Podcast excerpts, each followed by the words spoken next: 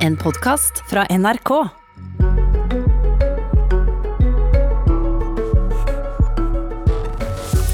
Trodde du at Høyre var imot å skattlegge bostaden du bor i hardere?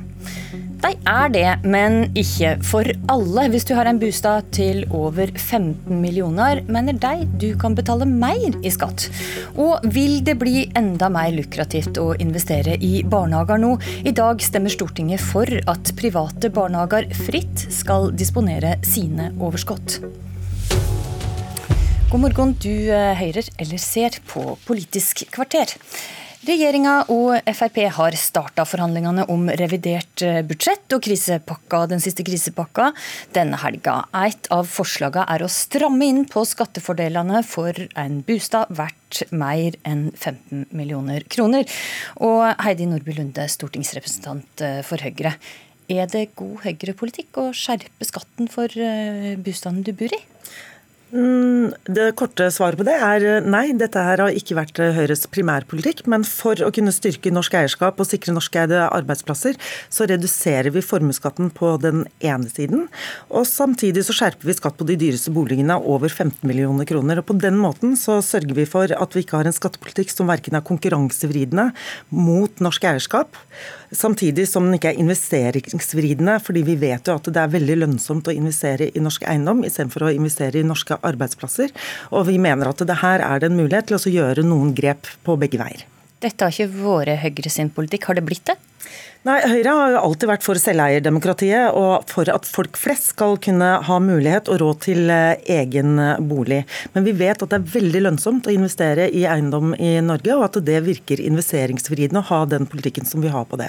Så vi mener at det er et fornuftig grep for å bl.a. kunne gi en eh, lettelse i formuesskatten på 1,3 milliarder kroner på arbeidende kapital for å gjøre det mer lønnsomt, eller i hvert fall straffe mindre, det å ha norsk eierskap til arbeidsplasser og norske norske bedrifter. En rekke økonomer eh, mener, og har meint i årevis, at eh, eiendom bør skattlegges eh, hardere i dette landet.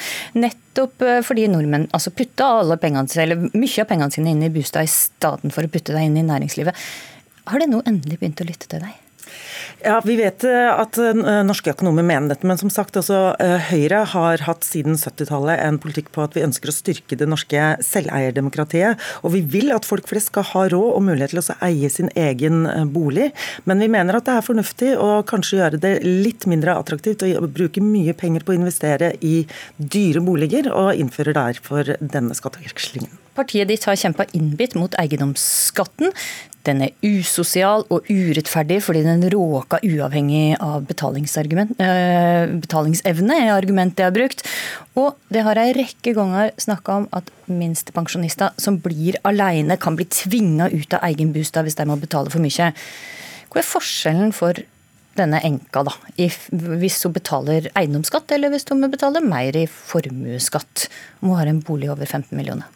Ja, Det er ikke store, store forskjellen, men jeg skal eh, like å se den som mener at det er usosialt å ha en noe mer beskatning av en eiendom som er verdt mer enn 15 millioner kroner, samtidig som vi da eh, altså prøver å styrke eh, norsk eierskap ved å redusere på arbeidende kapital. Betyr det at det kan være for eiendomsskatt også for dyre, dyre bostader? Eller nei, er det staten som skal få disse pengene, ikke kommunene? Nei, eh, nei, Høyre er ikke for en nasjonal eiendomsskatt. og I Oslo så går vi også til valg på å redusere og fjerne eiendomsskatten så raskt som, eh, som mulig. Så dette her er ikke en innføring av nasjonal eiendomsskatt. Men er det noe prinsipiell forskjell for disse bostadene over 15 millioner? Hva tenker du på da? Om det er noen prinsipiell forskjell om man øker eiendomsskatten, den kommunale eiendomsskatten for dyre bostader, eller om man øker formuesskatten for de som har dyre bostader? Altså Det er jo en skattevridning eh, der, som også bl.a. min kollega fra Frp er her. Vi har jo skjerpet skatt på næringseiendom og sekundærboliger de siste syv årene, med Frp med, som finansminister i, eh, fordi at vi mener at det er et riktig grep å, å gjøre. Så vi er jo ikke imot en eller annen form for beskatning på eiendom, men vi mener vi først først og fremst skal kunne verne eh, folks eh, boliger, og at folk flest skal ha råd til å bo og eie egen uh, bolig. Ja, nå er du nesten introdusert. Sivert Bjørnstad, medlem i finanskomiteen for Fremskrittspartiet. Du er rett og slett litt overraska over forslaget fra dine venner i Høyre? Ja, jeg må si jeg er veldig overraska over at det er et forslag som eh, kommer fra Høyre. Vi vet jo det at eh, byråkratiet i Finansdepartementet har eh, prøvd å få igjennom det her i mange tiår. Men finansminister etter finansminister, uavhengig av politisk farge, har klart å stå imot. Til og med Kristin Halvorsen fra SV sto imot et forslag om en nasjonal boligskatt. Men nå er det altså en finansminister fra, fra Høyre som åpner den skuffa. Det syns jeg er skuffende. Og Grunnen til at det er så farlig, at dette forslaget er farlig, er at det, det kamufleres jo med at det er bare de dyre boligene, det er bare de rike som skal betale. Men dette er jo bare første steg på veien.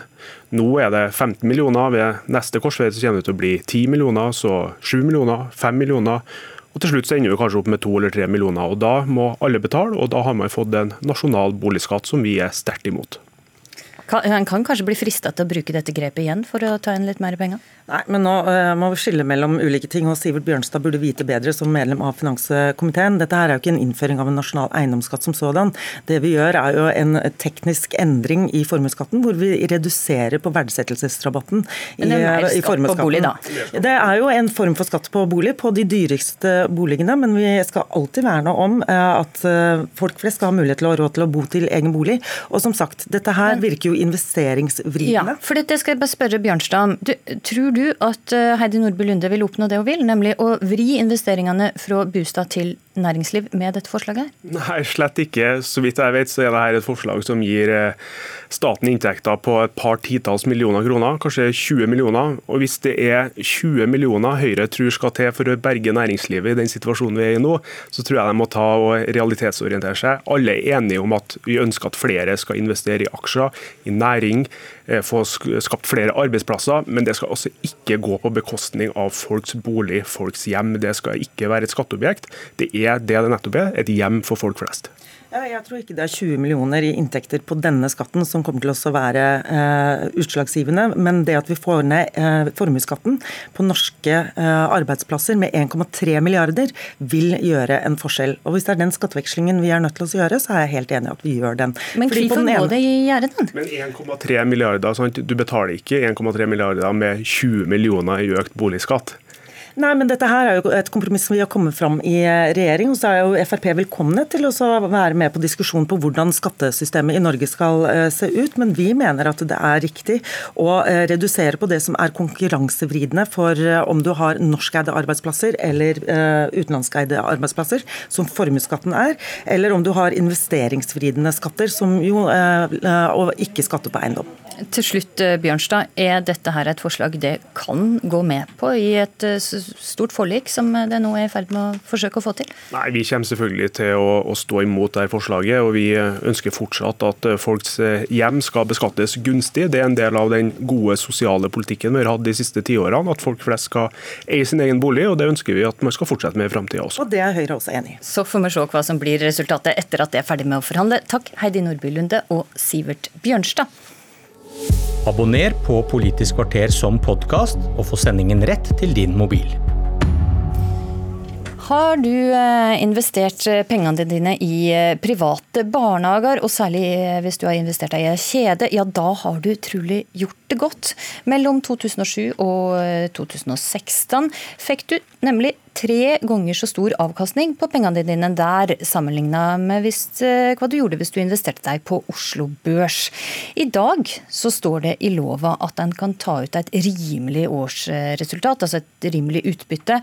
Nå vil stortingsflertallet at private barnehager skal kunne disponere sitt overskudd fritt. Kent Gudmundsen, stortingsrepresentant for Høyre. Hvorfor gjør det denne endringa her?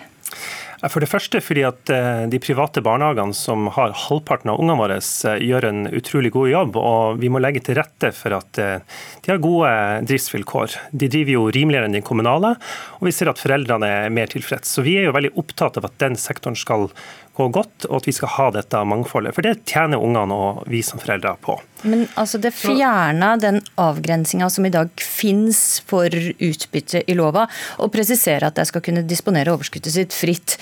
Det finnes ei rekke eksempel på at private barnehageeiere har blitt mange millionærer.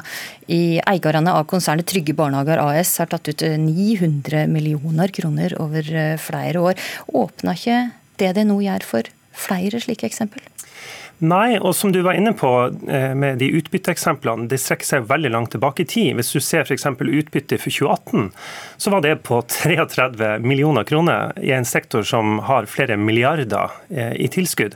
Så det er klart at eh, her er vi nede på hva det var, 0,14% utbytte i 2018. Det, det, er sånn helt forsvinnende lite. Så, så, sånn sett så vil jeg jo si at de private barnehagene har overhodet ikke veldig gunstige vilkår eh, fra det offentlige.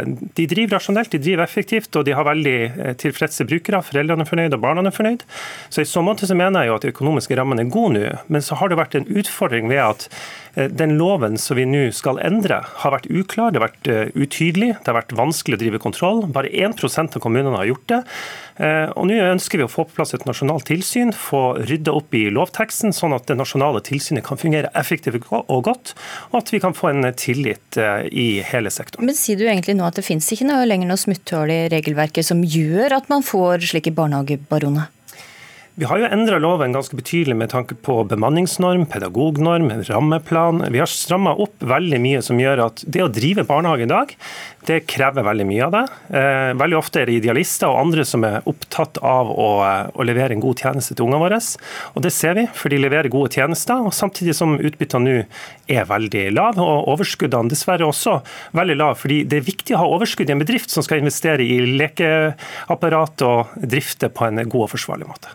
Torstein Tvedt Solberg, eh, stortingsrepresentant for Arbeiderpartiet. Blir det lettere eller vanskeligere å ta ut store utbytter fra barnehager nå, slik Arbeiderpartiet ser det? Nei, Nå tror jeg det blir mer lukrativt. Vi har i altfor mange år nå hatt et altfor dårlig regelverk som har åpnet opp for store utbytter. Vi har flere grundige rapporter som viser at penger som skulle gått til bedre barnehager, har gått til utbytter og til og med forsvunnet ut av landet. Og Når regjeringen nå har jobba i to til tre år, det de da ender opp med å gjøre, er å ta bort den avgrensningen som er, og åpne opp for at en nå kan disponere overskuddet fritt. Og Det som er helt sikkert, er at med dette grepet så stopper en ikke dagens praksis med utbytter. En rydder ikke opp, sånn som Høyre påstår, og det kommer bare til å bli mer lukrativt å, investere i, i, i barnehage.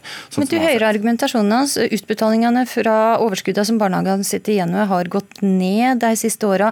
Reglene har blitt langt strengere, barnehagene langt flere rammer å forholde seg til, så det er ikke lenger så lukrativt. Nei, Jeg er ikke enig i det, at regelverket nå er godt nok til å åpne i veldig stor grad for profitt. Regjeringen fikk selv en eh, rapport i 2018 som viste at egenkapitalen har fått bygd seg opp noe enormt. Det er veldig lav risiko og høy avkastning på barnehager. Vi har sett de siste årene store oppkjøp. Det er nå seks aktører som kontrollerer 60% av resultatet. Og Det som foregår nå, er oppkjøp fremfor eh, innovasjon. Og Jan Tore Sanner sa selv når han fikk denne rapporten, at regelverket er utdatert, og han sa sånn kan vi ikke ha det. Og Det Høyre nå har levert, er en veldig vag endring som ikke, som ikke eh, gjør noe med det som er, eh, er, hovedproblemet. Så jeg lurer egentlig litt på om eh, Høyre egentlig har ombestemt seg her, og ikke mener at, eh, at dette er ugreit. Det, dette er veldig uryddig. Altså det, det, står i proposisjonen, og det er en ganske god gjennomgang av hva som er de juridiske utfordringene her. og Det mener jeg at man har rydda fra de som kan juss, og som har utarbeidet denne lovteksten. Det er snakk om å nå sikre en innramming av barnehagene, sånn at det nasjonale tilsynet som vi er enige om å få på plass, kan gjøre en god jobb.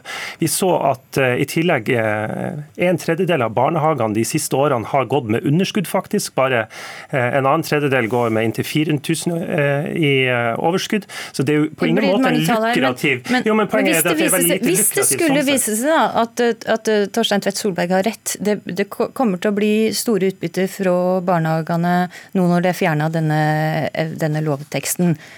Hva gjør det da?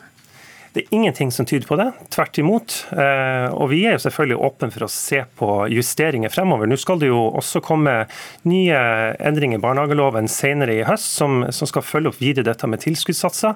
Det skal vi ha en god runde på. Men alt som vi har frem til nå, viser jo at barnehagesektoren, og den private særlig, driver veldig godt. Driver ikke med spesielt mye overskudd nå etter vi har fått på plass en del nye innstramminger på både antall ansatte, på antall pedagoger, på hvilke kvalitets kvalitetskriterier vi forventer at barnehagene skal levere på. Og Det gjør jo at f.eks. barnehagene i 2018 gikk med bare 2,3% i snitt i overskudd. Og Det er igjen et eksempel på at det er ikke spesielt lukrativt, som Tvedt Solberg her påstår. For okay. kommunesektoren kreves jo 4 Der fikk du rett og slett siste ord. Takk for at du kom til Politisk kvarter. Takk også til det, Torstein Tvedt Solberg. Stortinget skal altså senere i dag stemme over både utbytte og om de nye tilsynsreglene. Det var Politisk kvarter i studio, Astrid Randen.